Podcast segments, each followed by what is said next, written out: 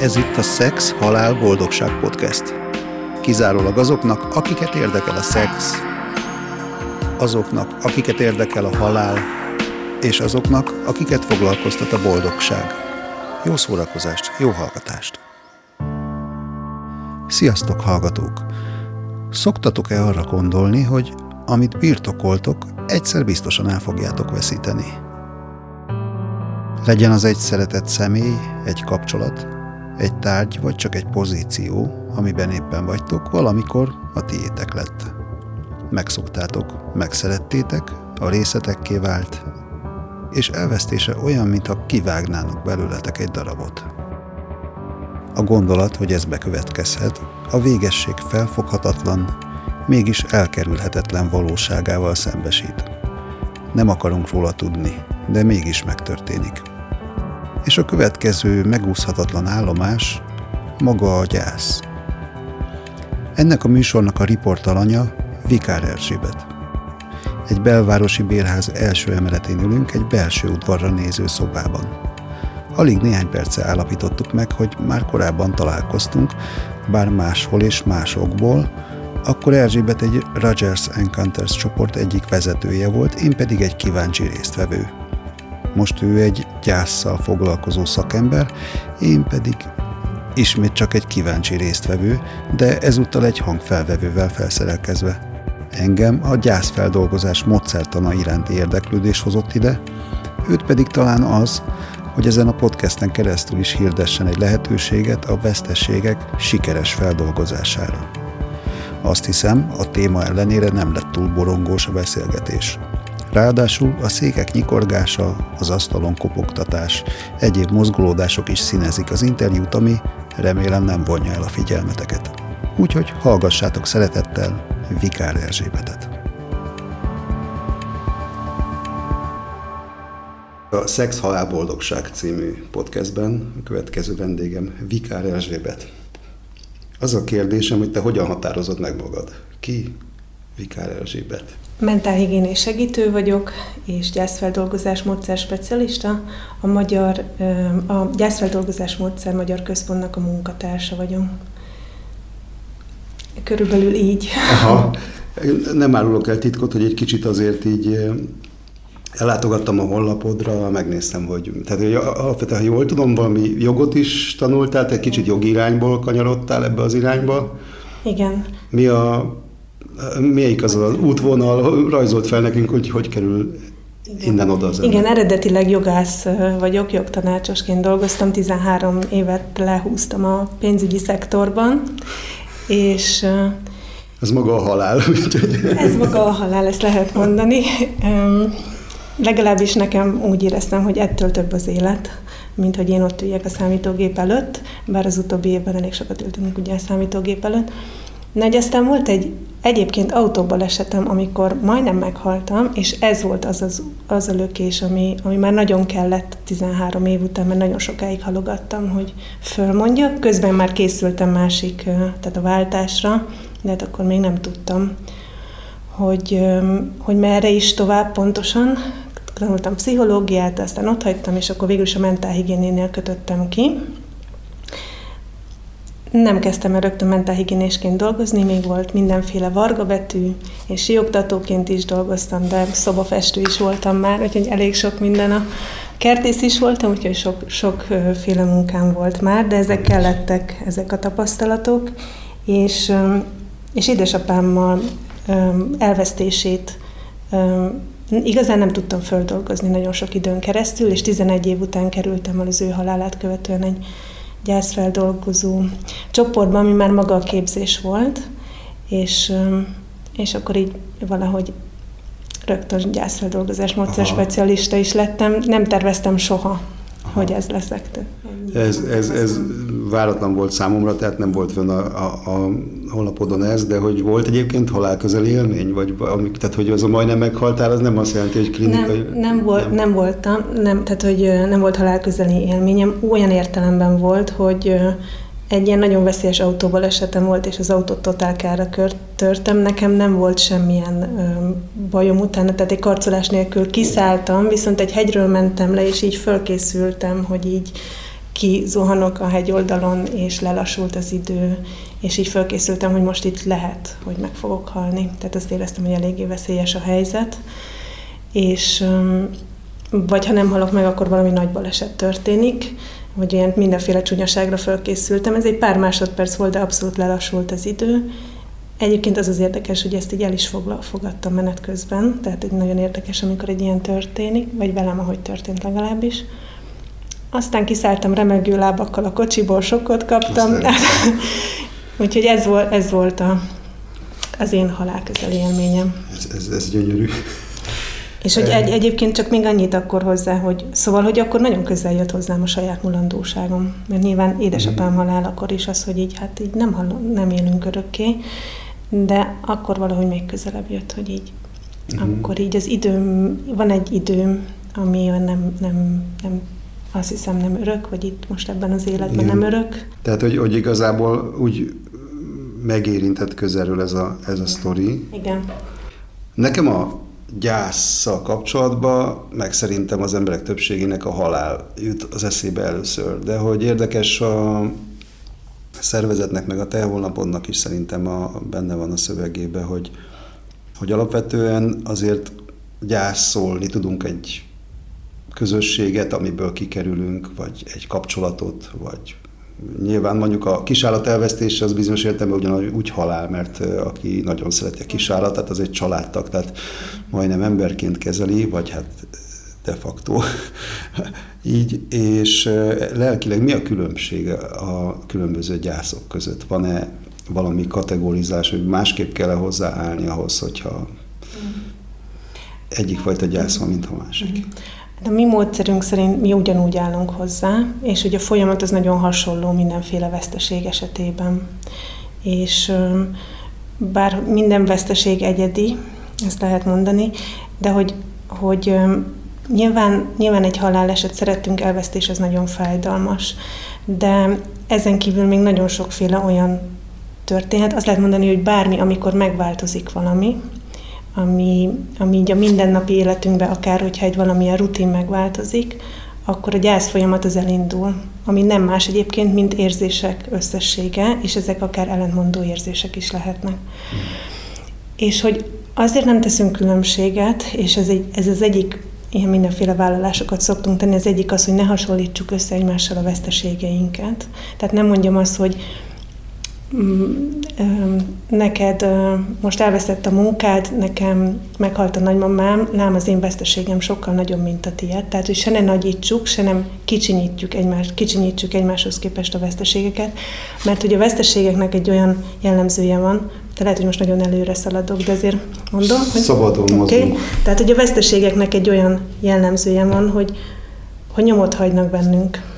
És akár feldolgozottak, akár feldolgozatlanok, nyilván a feldolgozatlanok jobban, és egymásra rakódnak és halmozódóan hatnak, és hogy soha nem lehet tudni, hogy mi az a idézőjelben pici veszteség, ami így benyomja a gombot, és hogy így egy kárt kártyavár idézőjelben így tud omlani, vagy szóval, hogy ami, ami benyomja bennünk azt a gombot, hogy így valahogy így borul a rendszerünk akár, tehát hogy így nagyon fáj, nem, és nem csak az fáj, ami most történt, hanem egy csomó más veszteség, ami korábban történt velünk. Mm-hmm.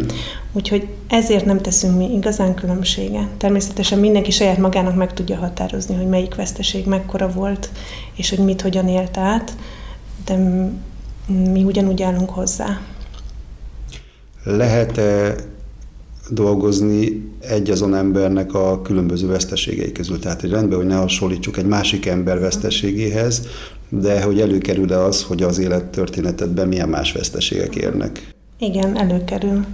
Tehát egyrészt, ha nem, kér, nem tenném föl a kérdést, akkor is valószínű, hogy fölmerülne, vagy sokszor fölmerül. És, de nekünk konkrétan van egy olyan ez egy hét lépéses cselekvésprogram. Egy, az egyik feladat az, hogy számba vesszük az eddigi veszteségeinket, ami születésünktől kezdve, az első emlékeinktől kezdve ért bennünket a mai napig. És visszatérve ide egyébként most eszembe jutott, hogy olyan veszteségek is tartoznak ám, ami idézőjelben absztraktabb, tehát mondjuk a biztonságunk elveszítése, vagy a, identitásunk elvesztése, vagy a szabadságunk elvesztése, vagy az önbizalmunk elvesztése, vagy egy álom, vagy egy terv elvesztése, az is ide tartozik. Hát ugye az elmúlt egy, egy másfél évben ugye nagyon minden átalakult, tehát hogy ez is ide tartozik, és ezek általában szóban is, szóba is kerülnek. Van-e annak igazságtartalma, hogy minden félelem mögött valahol a halálfélelem húzódik meg? Te mit gondolsz erre? Hát egyrészt én úgy tanultam, hogy igen, de mm, magamtól is valahogy így sejtem. Magamtól is valahol itt, itt tartok, hogy ezt kapizsgálom. Mm, szerintem az, az ad egy ilyen, az egy valahogy mindig ott bujkál, és ott lappang mindenféle jelenségben, vagy így a, a mindennapokban, és ez így átszövi a mindennapokat. És hát persze nem feltétlenül tudjuk, hogy most a haláltól félünk, de, de igazán szerintem az a gyökere. Lehet-e azt mondani, hogy ez egy kicsit ilyen nem, nem tudatosan, vagy nem avval a tudattal kezdünk bele dolgokba, hogy annak egyszer vége is lesz, akár az élet, akár egy kapcsolat, akár egy munkahely, akár egy barátság, hogy nem, nem lebeg ott a szemünk előtt, és akkor esetleg másképpen érintene minket. A... Kicsit azt is kérdezhetném, hogy lehet erre készülni? Tehát van-e egy olyan tréning, vagy lehet-e magát az embernek erre készíteni? Kicsit ez itt eszembe, ugye ez az emlékez a halára, Memento Mori, hogy hogyha úgy élsz, hogy ez mindig rajta van, akkor, de hogy ez, ez működik? Vagy segít? Erre egy ilyen is-is válaszom van. Tehát, hogy lehet is, meg nem is. Mm, sok mindent lehet tenni, hogy mm, tudatosítsuk, hogy miről szól az élet, hogy meghalunk, hogy, sok, hogy mulandóak vagyunk mi magunk is, és hogy mi is meghalunk, és, a, és hogy semmi sem állandó, és hogy, és hogy a szeretteink is meghalnak, és tehát hogy a kapcsolatainkban is van egy veszteség, vagy ha ne csak nem a halálra gondolunk, hanem hogy bármilyen veszteség, vagy, vagy eltávolodás bekövetkezhet. Tehát, hogy egyrészt ezt tudjuk tudatosítani, nagyon hasznos, hogyha valaki elvégzi a gyászfeldolgozás módszer támogató programot. Én egyébként azóta kevésbé félek, nem mondom, hogy egyáltalán nem félek, de kevésbé félek. Mm, de hazudnék, hogyha azt mondanám, hogy mindenre fel tudok készülni, vagy fel tudtam készülni. Az, hogy minden veszteség egyedi, az annyira igaz, hogy tehát, hogy így hát jó lenne, ha azt mondhatnám, hogy minden állandó, és vannak kapaszkodóink, és vannak segítségek, de hogy egy ilyen mindenre megoldás jelentő válasz, az sajnos nincs. Mm. És ilyen értelemben nem lehet felkészülni. Értem. Ha megpróbálunk minél jobban rugalmasabbak lenni, vagy ilyen olyan halmazállapotban lenni, ami ilyen nem egy állandó állandóan gondoljuk akár magunkat, akkor az segíthet, szerintem. Akkor egy kicsit menjünk bele ebbe, hogy, hogy mi ez a módszertan.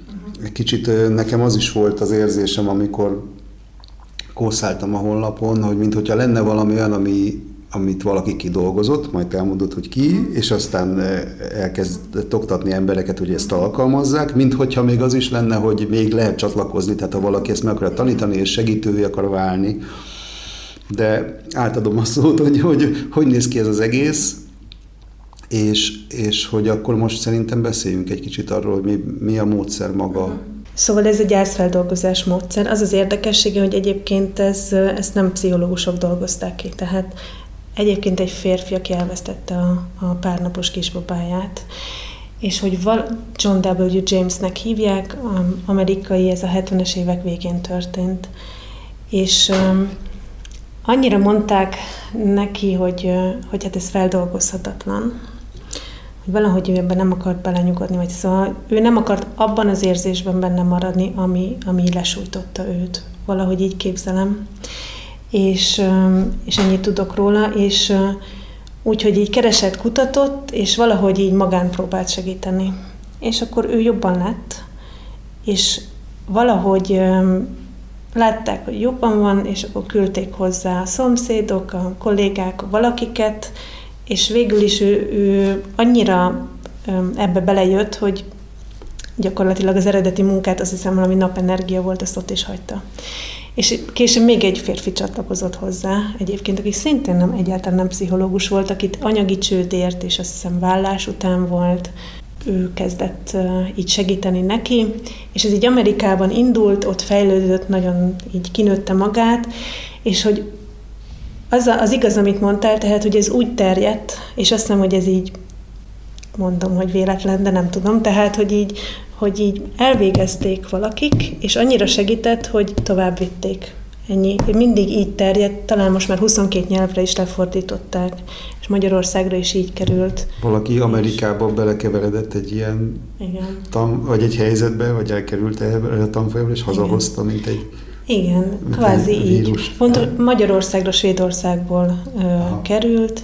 Magyarországra dr. Sarungi Emőke hozta be, aki kapcsolati veszteséget dolgozott föl, és ö, egy, egy gyerekkori jó barátja, aki már Svédországban elvégezte ezt a saját vesztesége miatt ezt a módszert, ő hívta ki, hogy menjen, menjen ki hozzá, és csinálja végig, szerinte ő gyászol.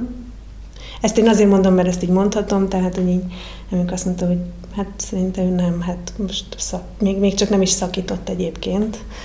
Mondta, mondta Andrea, hogy de, de, de, gyere. És hogy végigcsinálta, és hogy annyira működött, hogy valahogy ők kezdten, ketten kezdték el itt utána Magyarországon.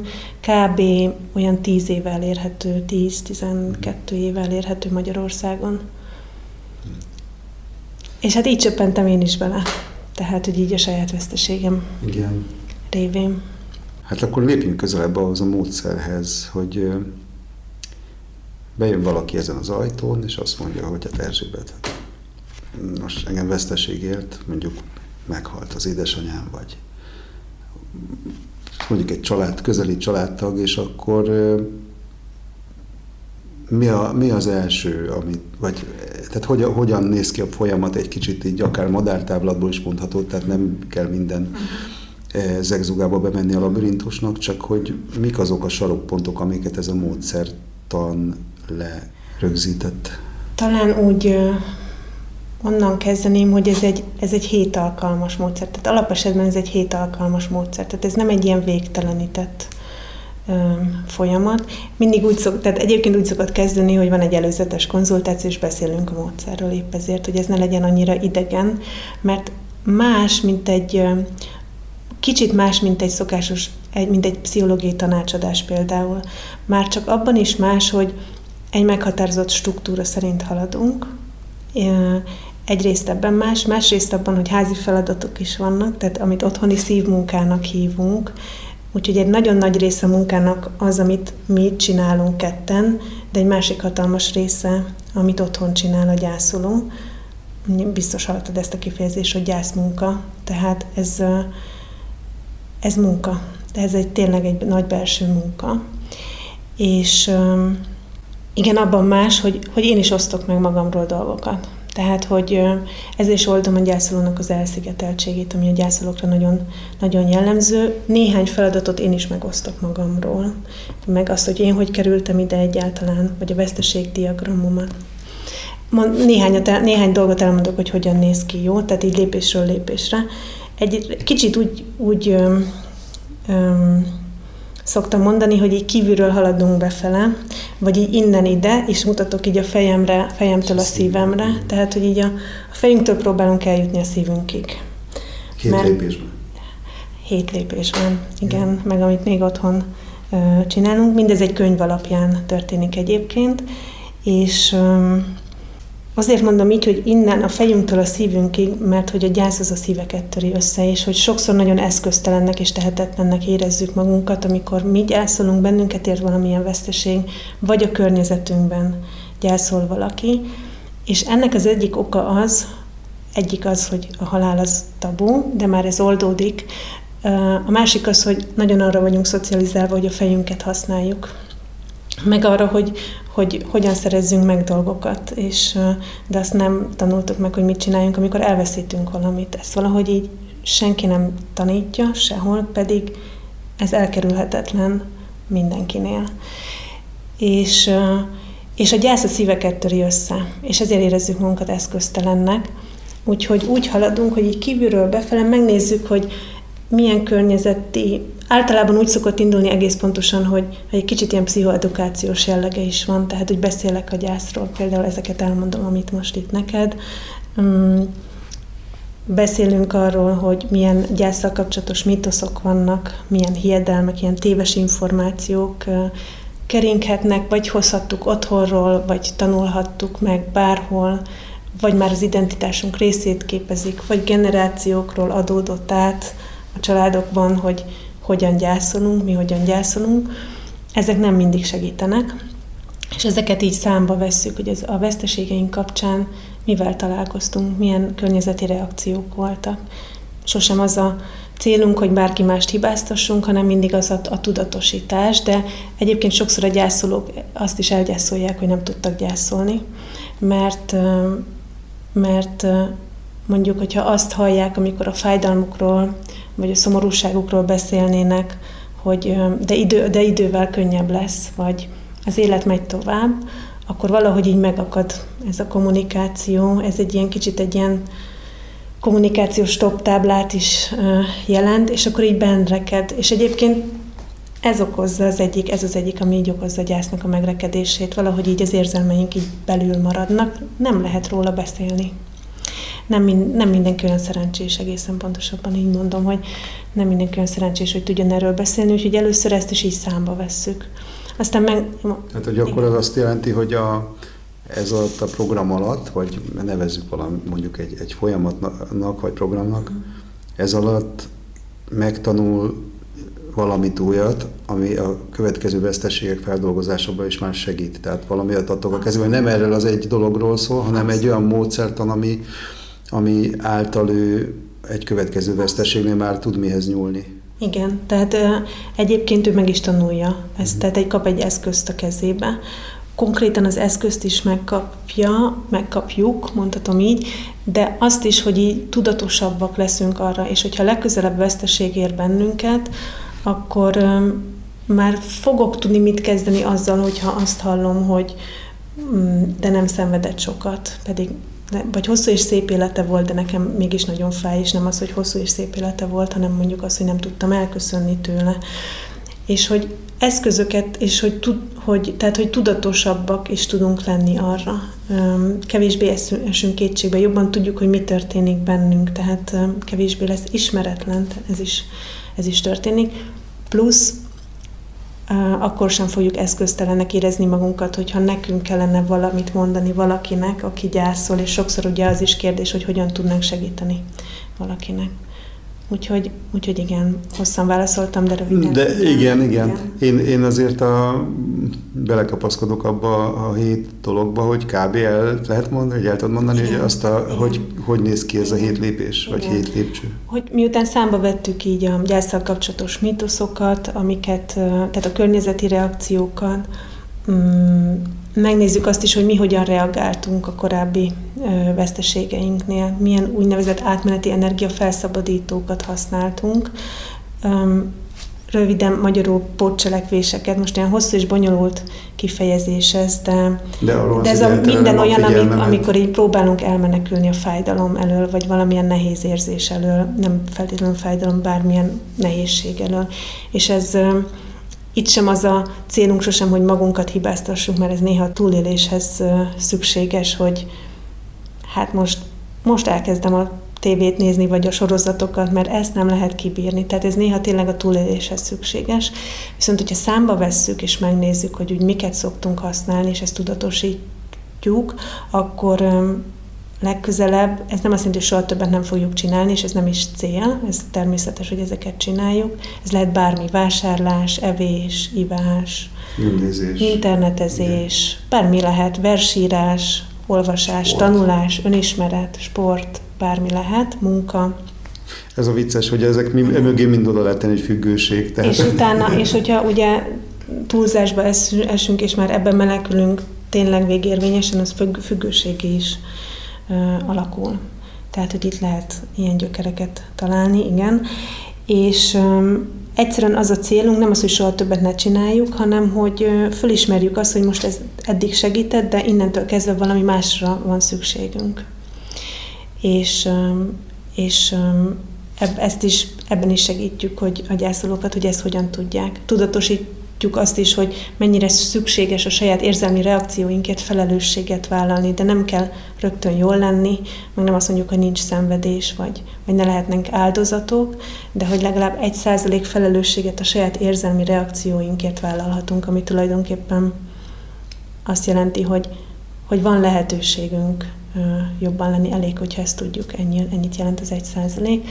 Hogyha már valaki jön, és csinálja, és segítséget kér például, az, az már bőven, ő azt lehet mondani, hogy vállal felelősséget az érzéseiért és magáért, azért, hogy jobban legyen.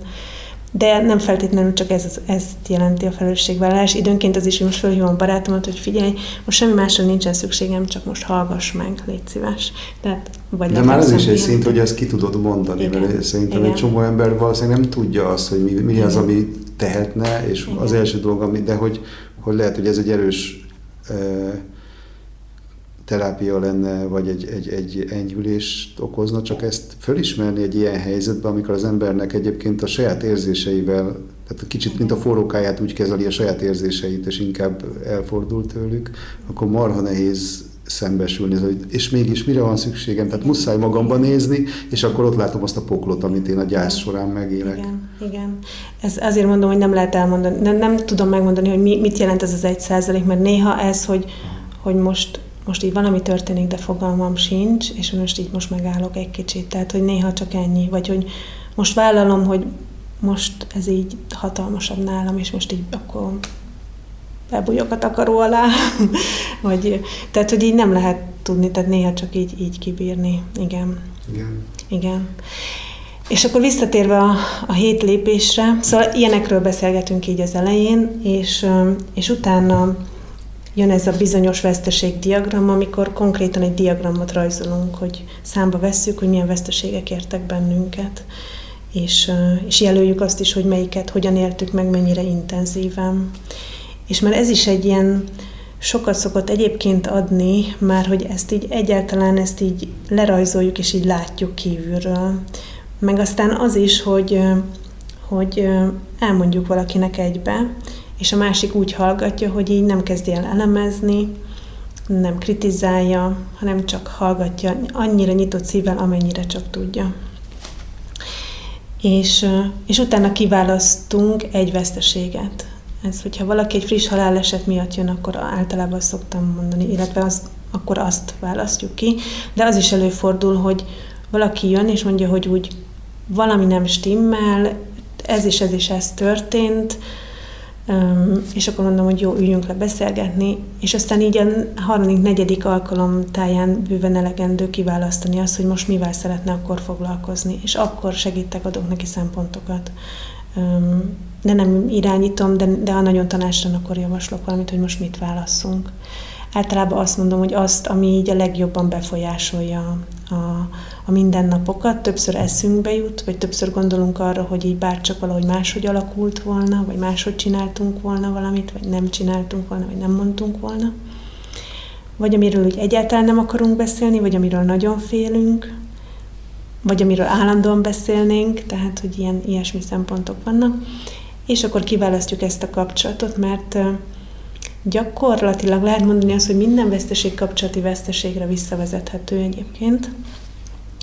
Úgyhogy csinálunk egy kapcsolatdiagramot, ami, amikor számba vesszük, hogy az adott kapcsolatban milyen negatív élmények voltak, fájó emlékek, de milyen pozitív és szép emlékek, mi az, ami örömteli élmény volt, ami, ami szép volt, ami sikerélmény volt, mi az, ami kudarc volt, mi az, amikor féltünk, amikor dühösök voltunk, mi az, ami a lelkismert fordulásunk van és feltérképezzük így az egész kapcsolatot, és ezután úgynevezett gyógyító tényezők kialakítjuk mindazt, ami ott szerepel. Maga a folyamat az egyébként úgy néz ki, hogy valahogy így szokták mondani azt, hogy így de félek, hogy nem fog eszembe jutni, meg ez olyan régen történt, de hogy ahogy így elkezdünk vele dolgozni, így jönnek, jönnek az emlékek, meg, meg azt is szoktam mondani, hogy nincsen jó házi, meg rossz házi, hogy így minden házi jó házi. Tehát, hogy ami, ami fontos, az így föl, följön, és azzal, azzal szoktunk dolgozni. És ezek a bizonyos gyógyító tényezők, ez azt jelenti, hogy megnézzük, hogy a, a, abban a kapcsolatban mi az, amit így, amit így megszépítettünk, mik a fontos érzelmi mondani valóink, mi az, mm, mi az, ami, ami tört, tehát hogyha történt valami, ott mit éreztünk, de nem kell érzésekre vadásznunk, tehát az is bőven elegendő, hogyha csak annyit mondunk, hogy ez itt nagyon rossz volt, itt most történt valami, ami nagyon rossz volt, és egyébként olyan elvárás sincs, hogy így mindent el kellene mondani. Tehát az is teljesen oké, okay, hogyha valamiről nem akarunk beszélni. Így annyit szoktunk kérni, hogy magunkkal legyünk érzelmileg őszinték, meg egymással, és hogyha ha lehet egy érzést kimondani, akkor mondjuk ki. A történetet hozzá ezt nem muszáj egyébként elmondani. Szóval megnézzük, hogy mi az, ami örömet okozott, ami, amiért hálásak vagyunk, ami, ami fájt, ami, amiért dühösek vagyunk, megnézzük, hogy mi az, amit mi sajnálunk, amit tettünk, vagy nem tettünk, mondtunk, vagy nem mondtunk, tehát mulasztások is ide tartoznak, és, és úgy sejtjük, hogy a másik felet megbánthatta esetleg, vagy, vagy akár tudjuk, hogy megbánthatta. Itt, és, és itt általában nem annyira számít az, hogy most kinek volt igaza, hanem mi a tudásunk, vagy a sejtésünk arról, hogy, hogy a másiknak ez fájdalmat okozott-e. Aztán megnézzük azt is, hogy mi az, ami megbocsátható, vagy meg szeretnénk bocsátani, ami nekünk fájdalmat okozott, hogy mi az, ami megbocsátatatlannak tűnik, olyan is van, ami, ami valahogy olyan nehezen megbocsátatónak tűnik. És, és ezeket gyűjtjük össze egy, egy következő lépésben, és a legvége egyébként egy beteljesítő levélírás. Azért hívjuk beteljesítőnek, mert, mert az, az elmaradt érzelmi kommunikációt teljesíti be a kapcsolatban, és annyiban különbözik más levélírási technikáktól, hogy, hogy ez a sok lépés megelőzi, és valahogy addig kikristályosodik, hogy mi az, ami fontos, hogy belekerüljön, meg jobban eljutottunk eddigre a szívünkig. És, és ez egy meghatározott forma és struktúra szerint történik, mindig annak szól, akit, akit elvesztettünk, és aztán gyászfeldolgozás módszer specialistaként vagy egyébként bárki más, aki hallgatja, mi ennek a tanúi vagyunk. Mi nem csinálunk más, mint, mint ennek a tanúi vagyunk, és, és meghallgatjuk nyitott szívvel. És uh, erre egyszerűen szükség van, hogy legyen egy tanú, tehát hogy ez egyedül is valamennyire működik, de sokkal többet ad, hogyha van valaki, mert, mert a gyász is olyan, mint bármi más az életben, hogy valahogy a lélek igényli, hogy legyen egy, egy tanunk. És ezt uh, ebben segítjük a gyászolókat. Tehát tulajdonképpen egy beteljesítő levélírás, amire azt, ez, a, ez az utolsó lépés, amit megírunk otthon és felolvasunk, sosem adjuk oda a másiknak, még akkor sem, hogyha él. Ez tilos, ezt nem adjuk oda, elmondjuk, hogy el kell, nem muszáj, de lehet elégetni, vagy elrakni mélyre, hogy jó, hogyha nem találja meg senki, ez lehet, hogy megbánt valakit. Kicsit és, a naplóírásra emlékeztet, Kicsit, kicsit olyan, az, hogy struktúrált ebben, ebben más, illetve, illetve, hogy van egy, ebben sok olyan lépés van, amikor úgy egyedül csinálnánk, akkor azért úgy elakadnánk, hogy hát ez most olyan félelmetes akár ezt leülni és megcsinálni, vagy ezt én itt nem, inkább egyedül ezt nem csinálom. Meg nagyon sokat ad az hozzá, hogy, hogy van valaki, tehát hogy van valaki velünk, és ebben egyszerűen ott van. És a gyászolóknak egyébként nagy szüksége van, mert hogy a, az élet is egy magányos dolog, tehát hogy ilyen van egy egyfajta elszigeteltség, amivel nehéz megküzdeni, de a gyászban fokozottan igaz. Tehát, hogy épp amiatt, hogy tabu is, meg, meg nem is nagyon tudunk ezzel társadalmilag még mindig mit kezdeni, ezért, ezért nagyon magányosak a gyászolók, és ezért sokat jelent, hogyha van, van mellettük valaki. És um, talán még itt csak annyit mondok, hogy azt nagyon szoktam hangsúlyozni, hogy úgy nem kell elengedni a, mondjuk a szeretteinket és a halottainkat, tehát hogy nem, nem őtőlük búcsúzunk, hanem a kapcsolati veszteségektől, a fájdalomtól, zavarodottságtól, hogyha van, és elszigeteltségtől. Nem kell ezt erőltetni, hogy így elengedjük, tehát én ezt például nem is nagyon szoktam mondani. És egy a legújabb gyászelméletek szerint egyébként, tehát ugye ezt még régebben itt többet lehetett hallani, de ez teljesen támogatott egy szimbolikus kapcsolat ö, ö, fennmaradása és ápolása elvesztett ö, szeretteinkkel. Tehát, hogy ez itt teljesen oké, okay, hogyha valaki x év után még mindig beszélget mondjuk, vagy a lényeg az, hogy valahogy integrálódjon integrálódjon a veszteség is, ami, ami történt, és valamilyen jelentést tudjunk neki adni, ami, ami hosszú folyamat. Tehát a hét lépés végére így csettintésre nem oldódik meg, de sok nagy megkönnyebbülés az elérhető, és, ez, és ezt szokták is mondani. Én azt szoktam mondani, hogy utána még egy ilyen hagyjuk egy kicsit ülepedni, de gyakorlatilag annyi történik, hogy így mederbe kerül a gyász. Tehát, hogy így, hogyha voltak akadályok vagy torlaszok, azokat elhárítjuk, és hogy nem jelenti azt, hogy soha többet nem fájhatna, vagy ne, ne sírhatnánk, vagy ne lehetnénk szomorúak, vagy dühösek, de, de ez egyre jobban enyhül, egyre jobban tud csökkenni, Ilyes, ilyesmiket jelent. Tehát, hogy ez a... Ha valaki, valaki eh, szakemberként, mentálhigiénés szakemberként azt érzékeled, hogy, hogy egyébként sem valószínű, hogy nagyon egybe volt, tehát hogy nem biztos, hogy nyilván a gyász leterítette, de hogyha nem állt erős lábakon, akkor könnyebben leterítette hogy elképzelhető, hogy be kell hívni más szakembert, vagy félbe kell szakítani egy ilyen, ezt a feldolgozást, mert olyan súlyos hely, állapotban van, hogy inkább lehet, hogy pszichiáter kell, aki fölír valamit, mert gondolom ti nem álltok neki recepteket írni. Ez megtörtént, vagy megtörténhet? Hogy ez... Megtörténhet, meg mi egyébként ilyen mm, szerződést is írunk konkrétan alá, ahol erről van szó, és meg is szoktuk kérdezni, hogy jár-e valaki. Nem, a, nem baj, nem akadály, hogyha jár valaki pszichológushoz vagy pszichiáterhez, de fontos, hogy ő tudjon jól róla is hozzájáruljon.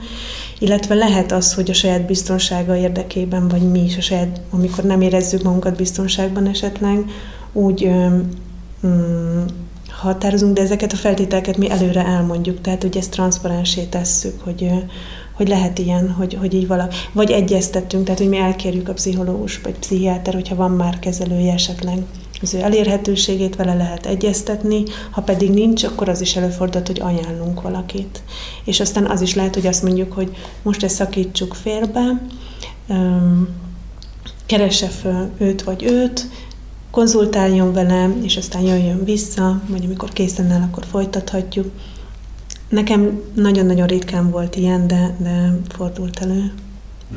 És ez nem, nem azért van, hogy így, tehát, hogy így rosszat csináljunk, hanem, hanem hogy tényleg, hogy így, ha úgy, úgy, hogy úgy ítéljünk meg, hogyha úgy ítéljünk meg, hogy így most a biztonság érdekében ez szükséges, és ez a, a másik, főleg a másik fél biztonsága érdekében. Mert ez a folyamat egyébként fölkavaró lehet, tehát az tény, hogy, hogy tud fölkavaró lenni. Azzal együtt, hogy rögtön megkönnyebbülés is tud érkezni, Mm, de azért volt olyan már, aki mondta, hogy így hát nem gondolta, hogy ez ennyire fölkavaró, amikor így belekezdett. Tehát, hogy tud fölkavaró lenni a gyászfeldolgozás. A, aki a szakember, vagy ezen az oldalon a segítő szakember, ő mennyire élheti bele magát, tehát hogy ére együtt sírni, vagy, vagy kell tartani azt a távolságot, amikor te, te vagy az erősebb elem ebbe a, ebbe a folyamatba, akibe kapaszkodni tud, vagy hát akit egy stabil, stabil pont. Tehát egy le, érted a kérdést? Nagyon, és nagyon értem, és nagyon örülök a kérdésnek, szóval igen, abszolút ér mi azt is szoktuk valahogy mondani, hogy így az is oké, okay, ha sírunk, meg az is oké, okay, ha nem sírunk. Egyik sem elvárás, és nem kell szégyelni a könnyeinket. Nem is kell letörölgetni a könnyeinket, és az is lehet, hogy én is fogok sírni. Becsepegtetni se kell, meg letörölni se. Igen. Uh, igen. És egyébként az is fontos, hogy nem is elvárás, tehát hogy, hogy sokszor van az, hogy egyébként le az valahogy így, mintha azt mondanák, hogy így lelkis, mert most úgy rosszul érzem magam, hogy nem sírok, pedig kéne. De hogy így van olyan. Tehát, hogy van olyan, lehet, hogy most nem sírok, de lehet, hogy fél évvel ezelőtt sírtam hát, meg. Hol igen, van az leírva, igen, hogy most igen. Kell? Tényleg, tényleg nagyon más minden gyász, hogy minden helyzet. És hogy fordult már elő, hogy én is sírtam, egyébként ma is sírtam, amikor így hallgattam valakit, valahogy annyira megérintett, és nyilván ezt azért nem úgy csináljuk, hogy tehát ezt úgy, hogy ne legyen hangosabb az én sírásom, mint az, mint az ő sírása, vagy a, hogyha nevetünk, akkor ne legyen hangosabb az én nevetésem, mint az ő Igen. nevetése. De lehet. Igen. Nektek szükség van erre a hogy azt hiszem szupervíziónak hívják, amikor ugye a pszichológusok is így kitakarítják egymás e, lelkét egy kicsit. Igen, van szupervíziós állandó lehet, van egy ilyen nagy támogatás valahogy így mögöttünk, de emellett én azt gondolom, hogy az még önmagában nem feltétlenül elegendő, mert ez sokszor ilyen rövidek is, hanem nagyon fontos, hogy mi valahogy így a, folyamatosan karban tartsuk magunkat és a, az önismeretünket, vagy úgy, úgy, úgy a lelki PH értékünket. Igen. De valahogy azt is, azt is szeretném mondani, hogy sokan meg szokták tőlem kérdezni, hogy de hogy így gyászfeldolgozás, és ez így nem terhel meg téged nagyon? Um, és akkor azt szoktam mondani, hogy uh, ez nem egy könnyű munka, mert hogy folyamatosan dolgozok én is belül magamon, és tényleg folyamatosan. És tényleg annyiszor elmondtam már a saját veszteségeimet is, de ugyanakkor ez tisztul is bennem. Könnyülök ki folyamatosan, és hogy az, nagyon sokat, az is nagyon sokat ad, hogy látom, hogy a másik is könnyül. Tehát, hogy itt mi ne, azért nem csak nevetni, vagy nem csak sírni szoktunk, hanem nevetés is előfordul. Tehát egyáltalán nem az van, hogy ez, hogy ez ilyen nagyon mindig arról van szó, hogy ilyen nagyon súlyos lenne valami, és ilyen valami nagyon nehéz. Sokszor az, nagyon sokszor az. És nem azt sem mondom, hogy ezt napi 8 órában lehet egyébként csinálni, és jó, hogyha ki tud kapcsolódni az ember. Vagy nehéz például, amikor saját gyászunk van, tehát akkor akkor ugye ne, akkor, akkor szabadságra nehezen, kéne menni, nem? Kéne, kéne szabadságra menni. A kliensnek, hogy hívjátok azt, aki jön, hogy ügyfél, minek hívjátok, aki, aki... Én kliensnek vagy gyászolónak. A gyászoló, aki jön, érkezik hozzátok egy világnézettel, mondjuk ő taoista, vagy keresztény, uh-huh. katolikus. Uh-huh. Nektek ezt, ezt, mint egy ilyen tojást föl kell törni, hogy hozzáférjetek az emberhez, vagy segít inkább, illetve nektek mennyiben kell lavírozni a saját módszertanotokban, hogy ne ütközzön össze olyan gondolatokkal, vagy olyan, olyan sémákkal, amik az ő világnézetébe be, beépültek. Egyáltalán nem szoktunk ebben lavírozni, hogy szóba se szoktuk hozni. Tehát én például nem szoktam szóba hozni, ha csak ezt nem hozza szóba valaki. Ha valamiről szeretne beszélni, akkor meghallgatom. Ha nagyon kérdez valamennyit, mondok magamról, de hogy így ez nem, tehát a, a vallási, spirituális meggyőződésektől teljesen független a, a gyászfeldolgozás, itt az érzelmekkel dolgozunk. Itt ez a módszer itt az érzelmekkel dolgozik, és hogyha valaki egyébként nagyon hisz Istenben, akár, vagy valamilyen, bármilyen meggyőződése van, és, és egyébként az, az teljesen ilyen kompakt is lehet, attól függetlenül még lehet, hogy van szüksége. Úgyhogy, de mi ezzel nem dolgozunk, tehát nem, nem hozzuk szóba, nem kerül szóba. De ha, szó, de ha szóba kerül, az nem baj. De mi nem ezzel dolgozunk. Most arra gondoltam, hogy a, említetted, hogy rajzoltok egy ilyen grafikont, és tulajdonképpen ott vannak ezek a csúcsok, amikor gyászhelyzetek vannak, és ugye mondjuk egy, egy vallásos neveltetésnél ugye nagyon más lehet a, a, annak a megélése egész egyszerűen azért, mert van egy tradíció, ami vagy segíti, vagy lehet, hogy éppen gátolja azt, hogy, hogy valaki igazán szembe tudjon nézni a, a, az érzéseivel, mert amikor, mit tudom még ott a Biblia, és le van írva a válasz, és akkor tudjuk, hogy most már a nagymami vagy a nagypapi föntről néz minket, tudod, és akkor, és a gyerekek, egy pont a gyerekeknél ez egy külön sztori, és ezt is meg akarom kérdezni, hogy, hogy van-e alsó korhatár, tehát, hogy ti azt mondjátok-e, hogy mondjuk egy 8 éves gyereket is lehet hozni, meg egy 12-13 évest is, vagy pedig ezt a módszertan csak felnőttekre működik, de hogy, hogy kicsit csak zárójelesen nekem úgy tűnik, hogy a gyerekekben ugye nagyon nagy az őszintesség,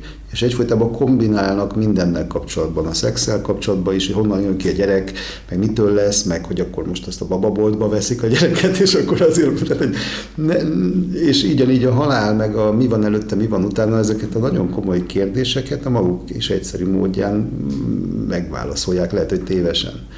De hogy ti ezt hogy álltok hozzá? És van-e alsó korhatár? Uh-huh. Most így két, két kérdés két, volt, igen, akkor bocsánat, válaszolok először a, melyikre? Először válaszolok arra, hogy az időben korábbira. Hogy a, a arra, hogy ugye a vallás és hagyományok az egy kicsit, kicsit bekódolták azt, hogy hogyan kell nekünk ezekhez a veszteségekhez hozzá. Igen, igen, ez, ez lehet, így van, ahogy mondod, tehát ez lehet segítség, de lehet akadály is.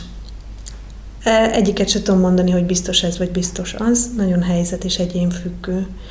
saját tapasztalatomat tudom elmondani. Én egyébként történetesen református lelkészülő gyereke vagyok, és amikor én azt hallottam a veszteségem után, hogy mondjuk akár az, hogy imádkozz, Isten megsegít nekem, az éppen nagyon benyomta a gombomat, hogy hát egy eddig imádkoztam, és most mégsem segített, és egy éppen nagyon haragudtam rá akár.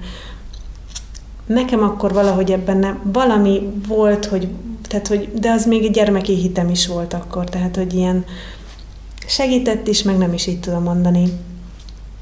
Végül is nem ettől lettem akkor jobban. Mondjuk így, így erre így tudok röviden válaszolni, tehát, hogy attól még lehet tényleg az a tapasztalat, hogy lehet még szükségünk segítségre. Mm.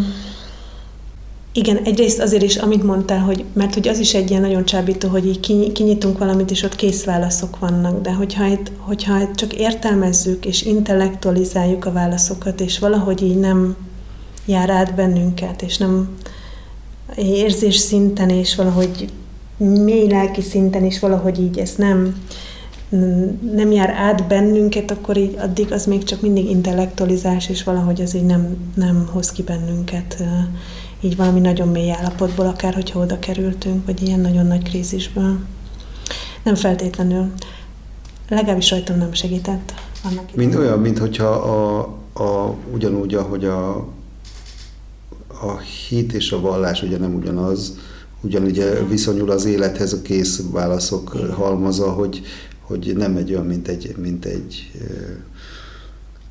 mint egy szerszámos táska, amiből kiveszed a szerszámot, ott van használt készpont. Hanem, mint hogyha, tehát pont a munkát nem tudod megúszni vele, és, és Egyébként, amikor azt mondod, hogy az intellektuálistól mentek egyre inkább, vagy az agyitól a szív fele, hogy, hogy ez nyelvhasználatban is, vagy, vagy a módszerek mások, vagy tehát mi az, ami kinyit, mert az intellektuális azt értem, ugye próbáltok valamilyen akár logikai, vagy legalábbis, vagy egy történeti feltárást csinálni, de hogy ugye minél inkább megyünk a szívhez szólásban, nem lehet, hogy, hogy, hogy mi történik másképp nyelvileg, vagy, vagy ez csak annyi, hogy ti is inkább az érzéseiteket visszhangozzátok, vagy? Nyel, nyelvileg talán annyi, hogy van, egyre jobban van tere az érzésekről beszélni, de ez nem, nem igazán először nyelvileg történik, hanem a cselekvés által. Nem véletlen cselekvés programnak is hívják. Tehát, hogy ahogy csináljuk a feladatokat, olvassuk a könyvet, ahogy gondolkozunk rajta, ahogy följönnek az emlékek, ahogy lerajzoljuk, ahogy látjuk, ahogy ránézünk, aztán ahogy elmondjuk. Szóval, hogy így valahogy a cselekvés által jön elkerülhetetlenné válik valahogy, hogy, a, hogy, hogy egyre jobban valahogy átjárjanak, jobban megérkezzenek hozzánk akár az érzések. Meg az is, az is azáltal is, hogy na azért nagyon számít, hogy ki van a másik oldalon, tehát hogy, hogy így mekkora a világ, és hogy, hogy így mennyit lehet elbírni, és hogy me, vagy megijed-e, vagy megijed-e a másik, és akkor így a képzeletbeli ajtókat becsukja akár vagy a, a szívét becsukja. Azt gondolom kudarc nektek, tehát hogy az nem jó nektek a módszertan. Igen, de most én most a pont a specialistákról beszélek, tehát úgy a másik ja, oldalon, értem. hogy segítőként ja, megijedünk-e akár. Aha. Tehát, hogy a mi világunk mekkora, mennyi fér el benne, oh. mi hogyan vagyunk a saját veszteségünkkel. Igen. Um, hát akkor nem lehet bárkiből segítő, mert hogyha ő hajlamos bezárodni, akkor gondolom megakad a folyamat. Úgy hát egyrészt, egyrészt megakadhat, másrészt um, valahogy így az is a tapasztalat, hogy így azok a gyászfeldolgozás módszer specialisták, hogyha most csak a specialistákról beszélünk, um, dolgoznak inkább, akik tényleg használják folyamatosan ezt a módszert saját magukon.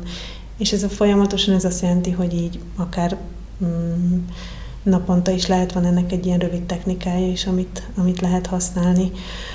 Um, Szóval, hogy akik, akiknél valahogy elfér a fájdalom, vagy elfér az érzés, akkor uh, Szolorov, egy, egy amerikai um, pszichoanalitikus, azt hiszem, ő mondta, hogy kapcsolati menedék. És hogy a, az ér, érzés, tehát ne azt mondjuk a gyászolóknak, hogy lépjenek túl, engedj, engedd el, és ezt mi is így hangsúlyozni szoktuk, hanem hogy a fájdalmaknak és a nehéz érzéseknek szüksége van egy kapcsolati menedékre, ahol valahogy így elfér, és lehet vele lenni.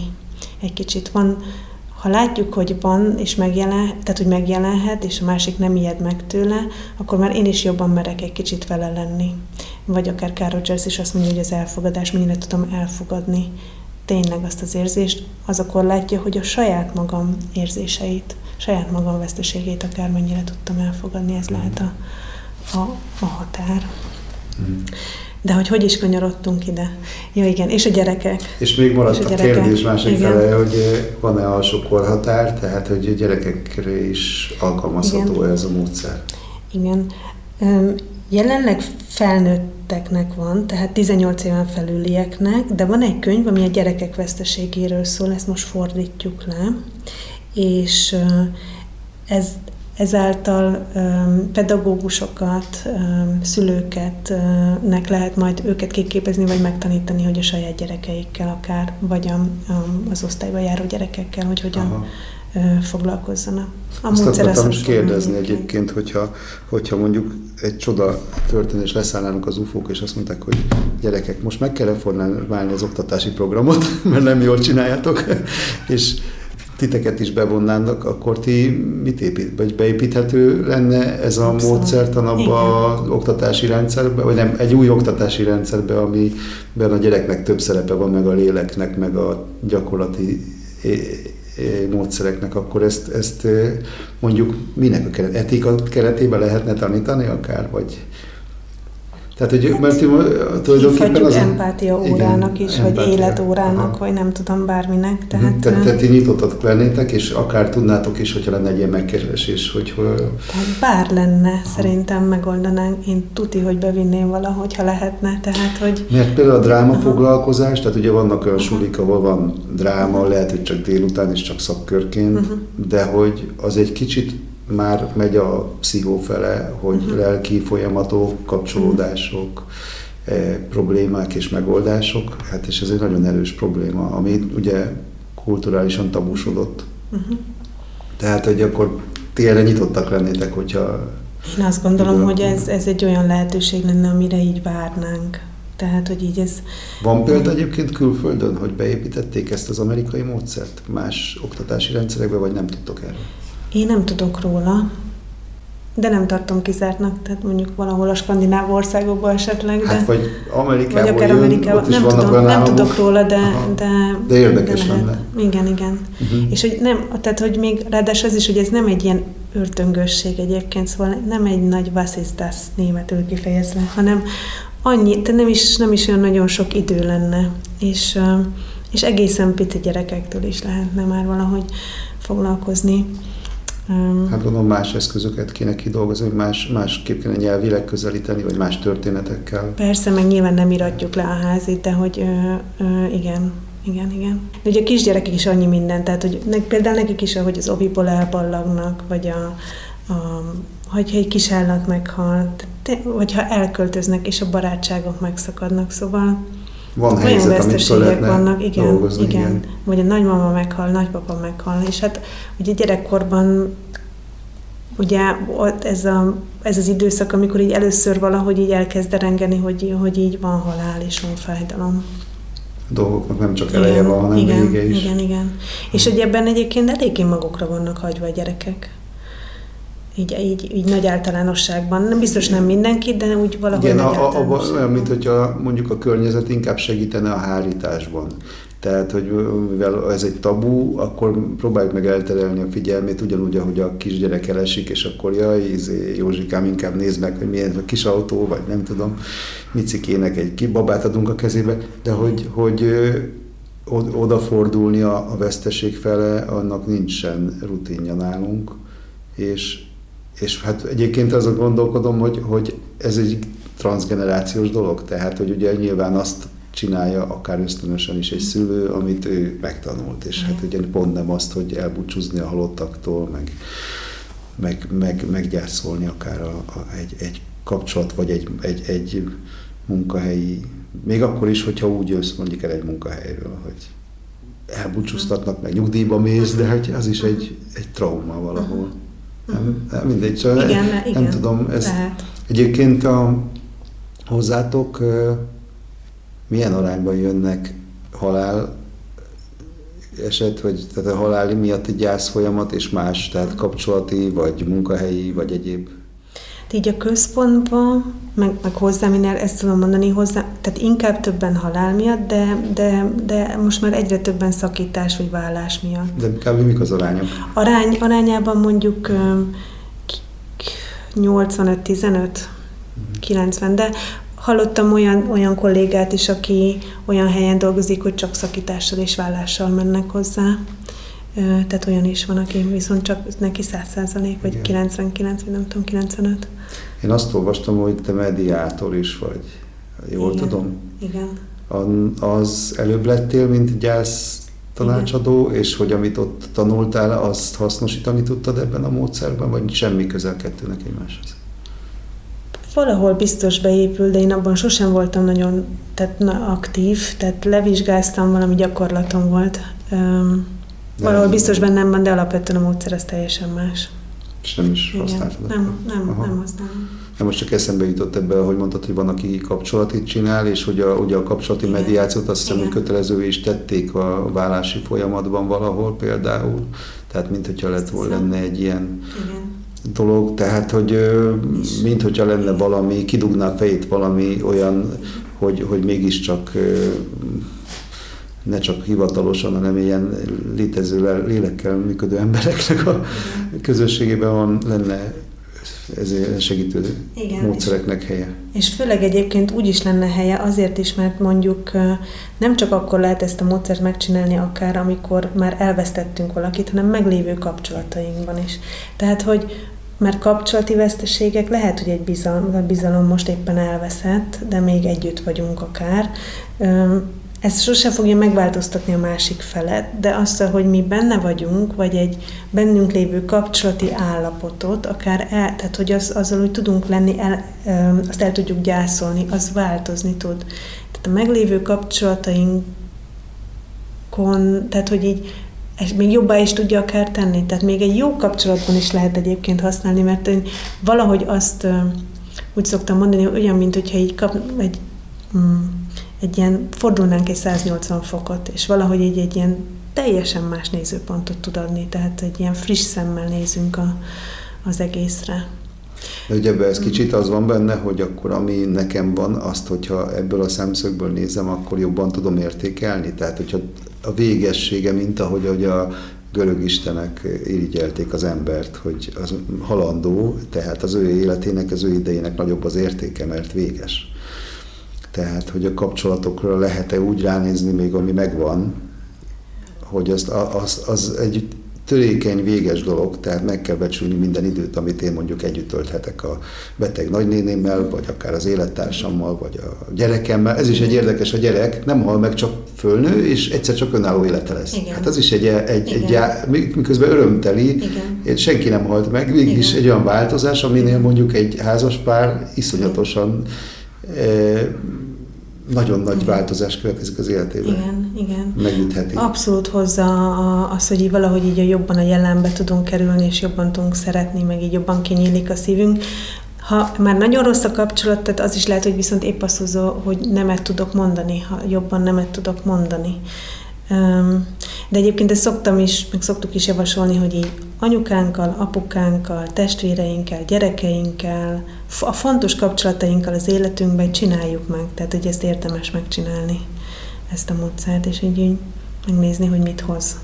Olvastam a, ez a módszertannak az oldalán, nem a te oldalon, a módszertan oldalán olvastam, hogy a gyásznak nincsenek szakaszai. És ebben van egy ellentmondás olyan értemben, hogy csak ennek a kulcsszónak a, hogy gyász a beírás, akkor ugye más oldalakra is elkerültem, még nem magyar oldalakon is, ahol ezt kvázi tényként, eh, ahol benne van ez a sokkolódás, a tagadás, a harag, a, a depresszió, tehát mint hogyha lenne egy olyan pattern, egy olyan fajta mintázat, ami, ami végig ment az ember, tehát ezt így eh, kvázi el lehet fogadni, de hogy ez, ehhez képest ugye nagyon határozottan le van írva, hogy nincs.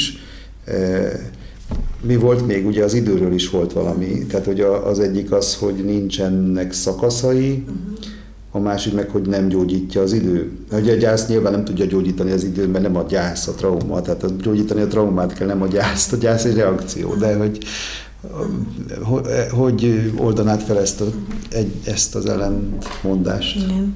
Igen, ez az egyik legnagyobb félreértés a, a gyásznak a, a szakaszai. És ez leg, leginkább Elizabeth Kübler-Ross nevéhez fűződik, aki ugye haldoklókat és terminális fázisú betegeket vizsgált, és aztán a gyászolókra is fogalmazta, de köztudatban már úgy telt, terjedt el, hogy hogy a gyász szakaszai, és valahogy az is, hogy, hogy is ezek így vannak, és valahogy úgy, hogy, és még szerintem én az egyetemen is úgy tanultam, hogy, hogy úgy képzeltem el legalábbis, hogy ezek ilyen lineárisan követik egymást, tehát hogy van ez egyik következő, és ha ez nincs meg, akkor sose fogok eljutni oda. Mint a vonat, hogy elhagytuk siófokot, és igen, akkor... Igen, igen, igen, igen. És egyébként Elizabeth Kübler-Ross maga az utolsó könyvében is leírta azt, és hangsúlyozta, hogy így nagyon sok félreértés övezte, mert hogy egyáltalán nem arról van szó, hogy ezek így feltétlen ebben a sorrendben következnek, hanem inkább egyfajta lehetséges érzések, lehetséges fázisok, de már nem is nagyon szeretem ezt használni, fázisok ezek, vagy lehetséges érzések mondjuk inkább így, lehetséges érzéskupacok, csomagok. Egyáltalán nem biztos, hogy mindenkinél van dű, egyáltalán nem biztos, hogy mindenkinél van tagadás. Emlékszem egyébként, amikor is most egy saját tapasztalatot hozok, és a legnagyobb félreértés, igen, a legnagyobb csaló, csaló hogy hogy mondjam, a leginkább csalóka benne az, hogy ráadásul azt is sugalja, hogy az időnek is van valamiféle szerepe.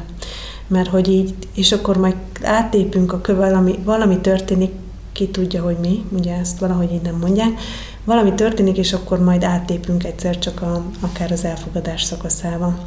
És én emlékszem egyébként, amikor valahogy így ezt tanultam az egyetemen, én éppen nagyon mérges voltam, én nagyon sokáig az én gyászomon nagyon-nagyon haragudtam, és így megállapítottam, hogy a dű szakaszában vagyok. És mondtam, hogy jó, tagadás, dű, alkudozás, depresszió, elfogadás, már eltelt hat év, de én még mindig a dűben vagyok, atya én, és hogy úristen, mi van még itt hátra, sose fogok eljutni az elfogadáshoz.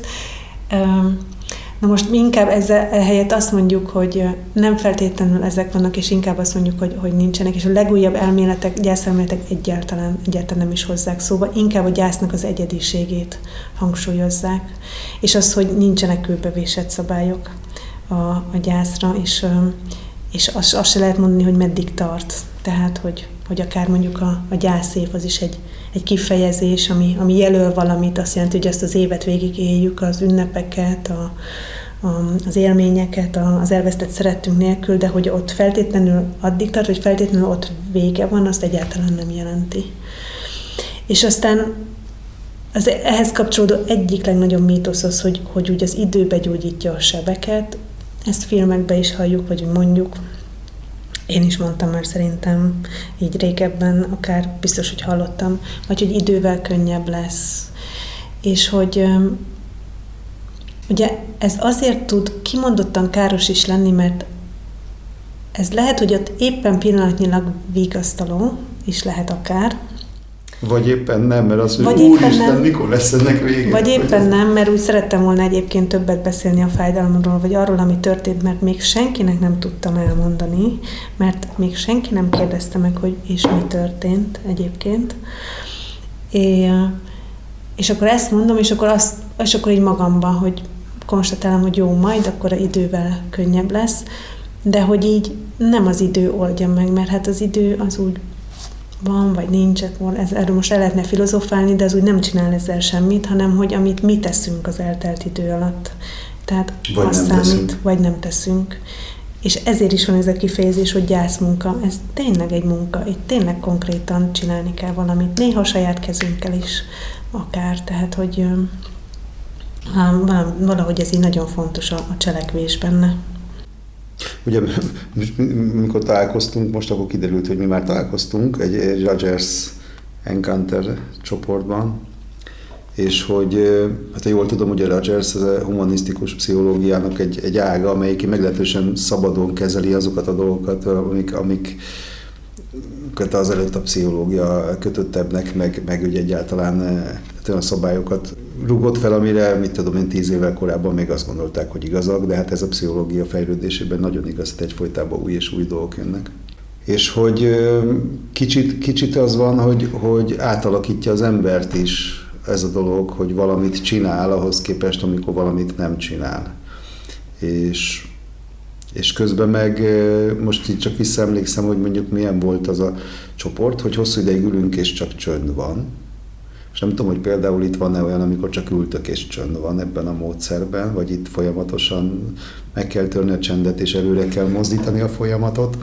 De hogy, hogy ha már megkérdeztem, hogy a, a mediációnak van-e valami olyan szerepe, ami itt alkalmazható, meg kell kérdezzem, hogy a Rogers féle pszichológiának is van-e valami szerepe ezzel a gyász folyamattal, illetve ennek a módszernek az alkalmazásával. Mhm. Hát most az én személyemben, mivel hogy személyközpontú tanácsadó Igen. is vagyok, rám nyilván hatott. Tehát ez Igen. ott van velem, ezt a sapkámat nem tudom levenni. És nem is kell egyébként, mert hogy nekem azért is tetszett meg ez a módszer, mert hogy épp azt is nagyon megtanítjuk, és, és hangsúlyozzuk, és mi is úgy vagyunk ott, hogy így, és ezt is vállaljuk, ki is mondjuk minden alkalom elején, hogy tudatosítjuk azt, hogy minden gyász egyedi, és mind, mert minden ember egyedi, és minden kapcsolat egyedi, és minden veszteség egyedi. És ezért nem ítélkezünk az elhangzottak felett, nem elemezzük azt, nem kritizáljuk azt, nem hasonlítjuk össze a veszteségeinket. És ezt így ki is mondjuk, tehát, hogy ezzel, ez ugye hát most éppen Rogers is ugye az elfogadásról beszélt, de még olyan sokan mások. Tehát, hogy ez az elfogadás része, ez ilyen kimondott, és vállaljuk, és ki is fejezzük minden egyes alkalommal, tudatosítjuk, hogy ez egy ilyen fontos része ennek. Most az, hogy mindig beszélünk-e, van, amikor van egy kis csönd, tehát ez lehet, de hmm ez nem, nem direkt, tehát hogy ez azért hmm. nálam, vagy én vagy valahogy úgy vagyok, és spontán, spontán alakul. egy másik módszerből ide semmit, mert... Nem, ez, ez, a, ez a, én ezt szerint a módszer szerint haladok. Uh-huh. Történetesen egyébként pont szerintem bennem ez összeegyeztethető volt, és én ennek meg is örültem, uh-huh. és egy ilyen kézzel, mert hogy Rogers elfogadás, ugye mondja, hogy, hogy elfogadás, és, és hitelesség, és empátia, na de hogy ugye hogy, ott ugye az a nehéz, hogy megtanuljuk, hogy hogyan tanuljuk meg. Ez itt ad egy keretet, hogy hogyan, tehát hogy amikor a más egyik valaki, egy valaki beszél a, akár erről az otthoni munkáról, a házi feladatról csúnya szóval, arra azt utána nem kezdjük el elemezgetni, nem beszélgetünk róla, addig csöndben maradunk, nem szakítjuk félbe. Tehát ez egy ilyen konkrét eszközt is, egy ilyen struktúrált módon tanítja meg, hogy ezt így hogyan. Tehát. Most ez egy látszólag elkanyarodó dolog, de szerintem nem. De nekem megakadt a szemem azon az íráson az oldaladon, ami a Gondolatok a jelenről című írás, ami szerintem lehet, hogy éppen időben a legutolsó, és szerint nem lehet, hogy akkor nem a legutolsó, de, de erősen gyanítom, hogy ez a mm, Covid járvány ihlette egy kicsit. Picit nekem a, keleti eredetű gondolat jutott eszembe, akár a buddhizmusban, a keleti irányzatokban van ez, amikor a jelenben lenni, és, és, és egy kicsit így azt fogalmaztad meg, ugye, hogy nagyon, nagyon erőteljesen leköti a figyelmüket az, hogy mi volt, meg az, hogy mi lesz. Uh-huh. És én egyrészt kíváncsi vagyok, hogy e, rajtad mit változtatott ez a felismerés, illetve hogy ez egy olyan dolog-e, amit tudsz hasznosítani, vagy lehet-e hasznosítani. Ugye arra nehéz, ugye pont egy gyász helyzetben azt gondolnám, hogy egyszerűen valami olyan történt, hogy tudod, levágja a lábam a villamos, és akkor egy kicsit gyere a jelenbe, örülj a másik lábadnak. Tehát, hogy egy abszurd is, de hát közben meg egy nagyon erős és fontos gondolatnak tartom. Csak kíváncsi vagyok, hogy te hogy kerültél ebbe, illetve hogy ez mit változtatott rajtad, meg azon a munkán, amit végzel itt. Uh-huh. Azt, azt hiszem, hogy fú, sok minden hathatott arra ott, de um, talán így az Encounter csoportokbani élményeim, másrésztről a gyászfeldolgozás, tehát a saját gyászon feldolgozása, mert az egyik legnagyobb felismerés volt, hogy mennyire a múltban éltem, és mennyire a jövőben, és mennyire nem voltam a jelenben. És hogy a, a módszer alkalmazása nekem személy szerint az egyébként segít így visszatérni a jelenbe. Tehát, hogyha valami ki benyomja a gombomat, mondjuk, vagy beszól valaki, van ilyen, akkor én hajlamos vagyok, de szerintem más is, hogy így, és akkor azon gondolkodunk, és, és um, um, pörgetem magam rajta, mi történt, hogyan történt, és ez, az, ez a gyásznak az egyik jellemzője, tehát hogy a veszteség ér bennünket, a fájdalom ér bennünket, elkezdünk a múlton gondolkodni, hogy mi alakulhatott volna másként, és vajon hogy lesz a jövőben, fog-e engem még vár veszteség érni, megint veszekedni fogunk-e, mm, meg fogok-e halni, a testvérem meg fog-e halni, a férjem meg fog-e halni. Szóval, hogy így nagyon valahogy mindenhol vagyunk, és ez természetes egyébként, tehát a gyászban ez, ez, egy, ez egy pontig természetes, de hogyha ilyen, erre nem tudok időt mondani, de ilyen nagyon-nagyon-nagyon visszatérően minden nap ezen gondolkodunk, hogy mi történt volna, meg mi lesz majd, akkor mindenhol vagyunk, csak így az életünkben nem, meg a kapcsolatainkban nem. És ez a Covid-hoz nekem úgy jött, hogy hát így egyszerűen így azt hiszem, hogy így élni akartam, nem nagyon félni, mert én nagyon féltem az elején. Meg valahogy így a magánéletem is valahogy úgy alakult, hogy valahogy erre ezt, ezt hozta. De, de erre nem tudom, nem tudom azt mondani, hogy mi, mi hozta ezt a felismerést, az élet hozta, hogy hát így tudom, hogy nem lehet erőltetni azt, hogy a jelenben legyünk, meg nem is kell feltétlenül, de volt egy belső igényem, hogy ezt így megtanuljam, néha próbáljak benne lenni. Hmm, nem tudom, hogy válaszoltam a kérdésedre. Eléggé. Egyébként nem is pont a Covid, az már csak egy ilyen mellékvágány, mert hogy ez szerintem egy nagyon fontos dolog. Csak csak nagyon érdekes volt, hogy úgy igazából nem más írásokban sem, meg sehol a történetedben nem leltem olyan vonalat, ami, ami egyébként persze semmi, senki se egy, egy puzzle, tehát hogy miért kéne minden elemnek minden összeilleni, csak ez egy annyira eh, tisztán eh, az a fajta keleti spirituális gondolat, ami egyébként nagyon eh, elképesztően tehát egy egyenes út a meditációba, yeah. ugye a jelenlét, és az a fajta dolog, amikor az ember így nem a, ugye azt mondják, hogy a, akkor csak a légzésedre figyelsz, ez az egyes számú gyakorlat, és akkor tulajdonképpen abban a jelenben tényleg az nem, él, nem élhetnéd meg a jelent, hogyha nem lenne ez az oxigén, amit magadhoz veszel, és nem engednék ki, és nem lenne egy ilyen körforgás, egy ilyen pulzálás. És én örültem ennek, meg szépnek tartottam a, a, a végkimenetét is ennek, Másrészt meg ebbe az egész gyász témából egy kicsit úgy kimutatónak, tehát ez inkább már tényleg a, ami, ami egy ilyen abszurd megfogalmazás talán, de hogy, a, hogy végül is el lehet jutni egy olyan pozitív, köszönöm, majd elmondjuk, hogy melyik bútorcég támogat a beszélgetést.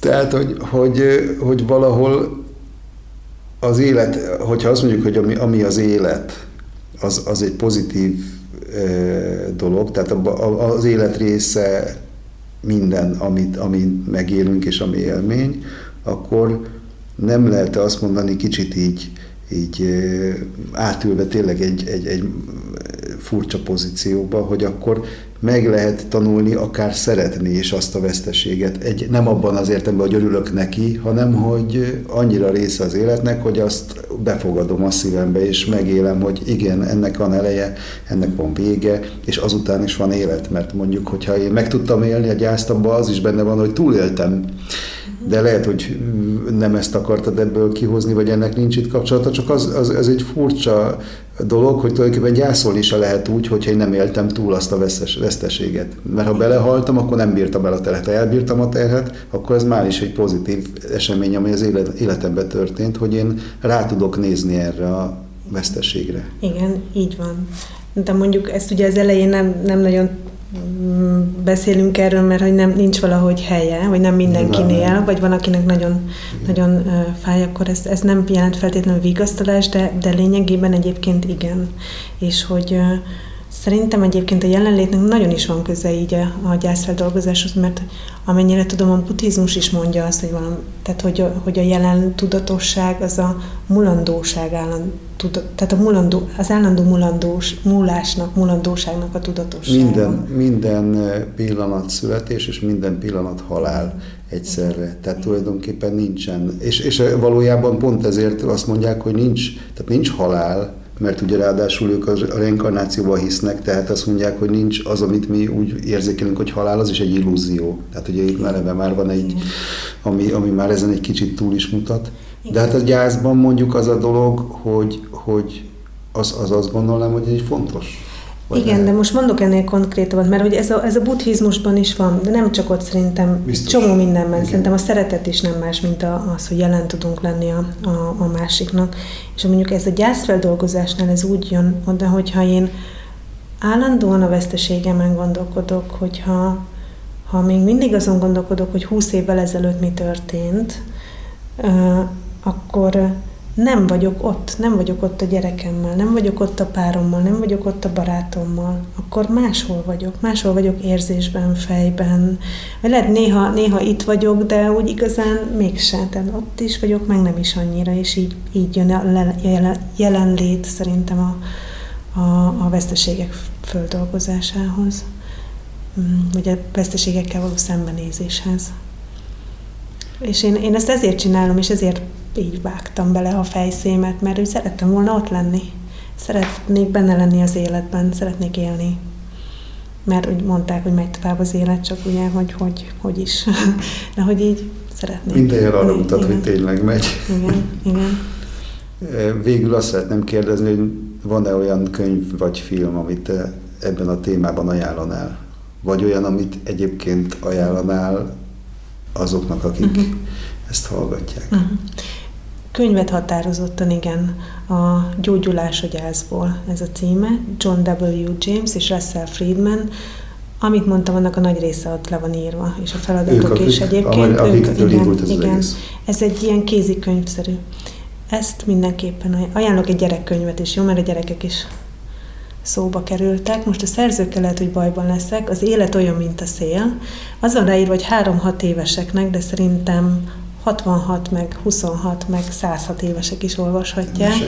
Ez egy mesekönyv, és szerintem nagyon, nagyon Agúcs Iris és Hóna Ines, talán a, a szerzőt, ezt most lehet, hogy rosszul mondom. Ezt ti fordítottátok le, vagy? Nem, semmi, semmi közöm hozzá, én csak nagyon szeretem ezt a könyvet. Aha. De akkor ezek, ha jól értem, olyan mesék, amit kapcsolnak a gyászhoz, vagy a elmúláshoz? Ez az elmúlás és a gyászról szól gyereknyelven. Én nagyon szívesen a kezébe adnám így a felnőtteknek és mindenkinek. Ezt is, meg a gyógyulás a gyász volt is, mind a kettőt. És film? Hmm. Filmet?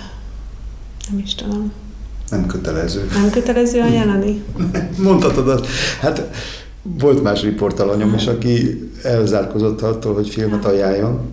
Hát tulajdonképp, mert sok film van, Mondjuk az, azt mondom, amit én legutoljára láttam, és így a gyászhoz kapcsolódott, ez egy Netflixes sorozat volt. Hmm. New Amsterdam, és ami nagyon, én, a, olyan, én ilyen régen nagy vészhelyzet néző voltam, és ez ilyen kórházas sorozat, és a második évad az gyászfeldolgozás szem, szakmai szemszöggel is ilyen nagyon, nagyon klassz szerintem. Nagyon megmutatja a gyásznak az egyediségét, vagy akár az, hogy miért nem jó elmondani, hogy így figyelj, megbocsátottam valamit, hogy ezt miért nem mondjuk el valakinek, meg az, hogy, hogy így mindenkinek nagyon más a, a, a, a kapcsolata, a vesztesége, minden helyzet más. Szerintem nagyon jól megmutatja. És még egy plusz egyes kérdés, hogy hogyan tudsz nem ezzel foglalkozni? Hogyan hogyan Tudsz tudom, fölülök a biciklimre, és akkor már máshol vagyok, tehát Aha. akkor... Ja, hogy akkor igen. biciklizel, és igen. akkor kikapcsol. Igen, igen. Aha, mert gondolom, hogy ez, ebbe is bele lehet sokalni egy, egy idő után, vagy biztos van egy olyan, amikor telítődik a az, ami, az az érdekes, hogy azt vettem észre, hogy ugye sokat dolgoztam online, akkor valahogy nehezebb abból ö, kijönni meg ráadásul otthon online. Tehát, hogy az De működik online egyébként? Mű, a, teljesen működik online is de most, átment, most már személyesen is dolgozom, és akár ez a, az, hogy hogy elsétálok, meg visszasétálok. Ez már, uh, Van egyébként bármi, amiben online jobb, mint nem? Vagy, vagy ezt lehet mondani, hogy ez mindenképpen egy lebutított verzió, ami nem annyira jól működik? Tehát, hogy az online uh-huh én azt nem mondanám, hogy, hogy, feltétlen, hogy feltétlen jobb vagy rosszabb az egyik vagy a másik. Aha. Én voltam az, aki a legjobban meglepődött, hogy ez online is működik. Ez szembe se jutott sohasem, hogy ezt online csináljam, és valahogy így hozta magával. Um, picit, tehát hogy piciben már, picit más, mert nyilván nem érezzük a másiknak az illatát, más nem innen mellünktől felfele látjuk, hogy nem látjuk a lábát, hogy hogy néz ki, de, vagy hogy őnek is, aki jön, nem jön el ide, és nem megy vissza. Egy csomó előnye van, és egy csomó hátránya, és nem tudom azt mondani, hogy egyik jobb, mint a másik. Mondjuk amiben különbözik például az az ölelés, mert mi szoktunk ilyen ölelést is felajánlani, és akkor ugye online, nem feltétlenül ez egy olyan ölelés, amit így nem muszáj elfogadni, lehet valakinek kérni, ha jól esik, egyébként azért, mert az érintés valahogy segít a jelenbe, valahogy visszajönni. Ez egy ilyen biztonságot támogató jelenlétet jelentő ölelés, és ugye online, hogy hogy, hogy tudunk ölelkezni, igen. De hogy arra is van így, azt is így ki lehetett állni, a szívünkre tesszük a kezünket, vagy magunkat átöleljük, és hogy így a legnagyobb megdöbbenés, hogy úgy is azt mondják, hogy ez milyen jó, ez volt, milyen jó volt ez az ölelés. Vikár Erzsébetet hallottátok, aki mentálhigiénés szakember és gyászfeldolgozás módszer specialista.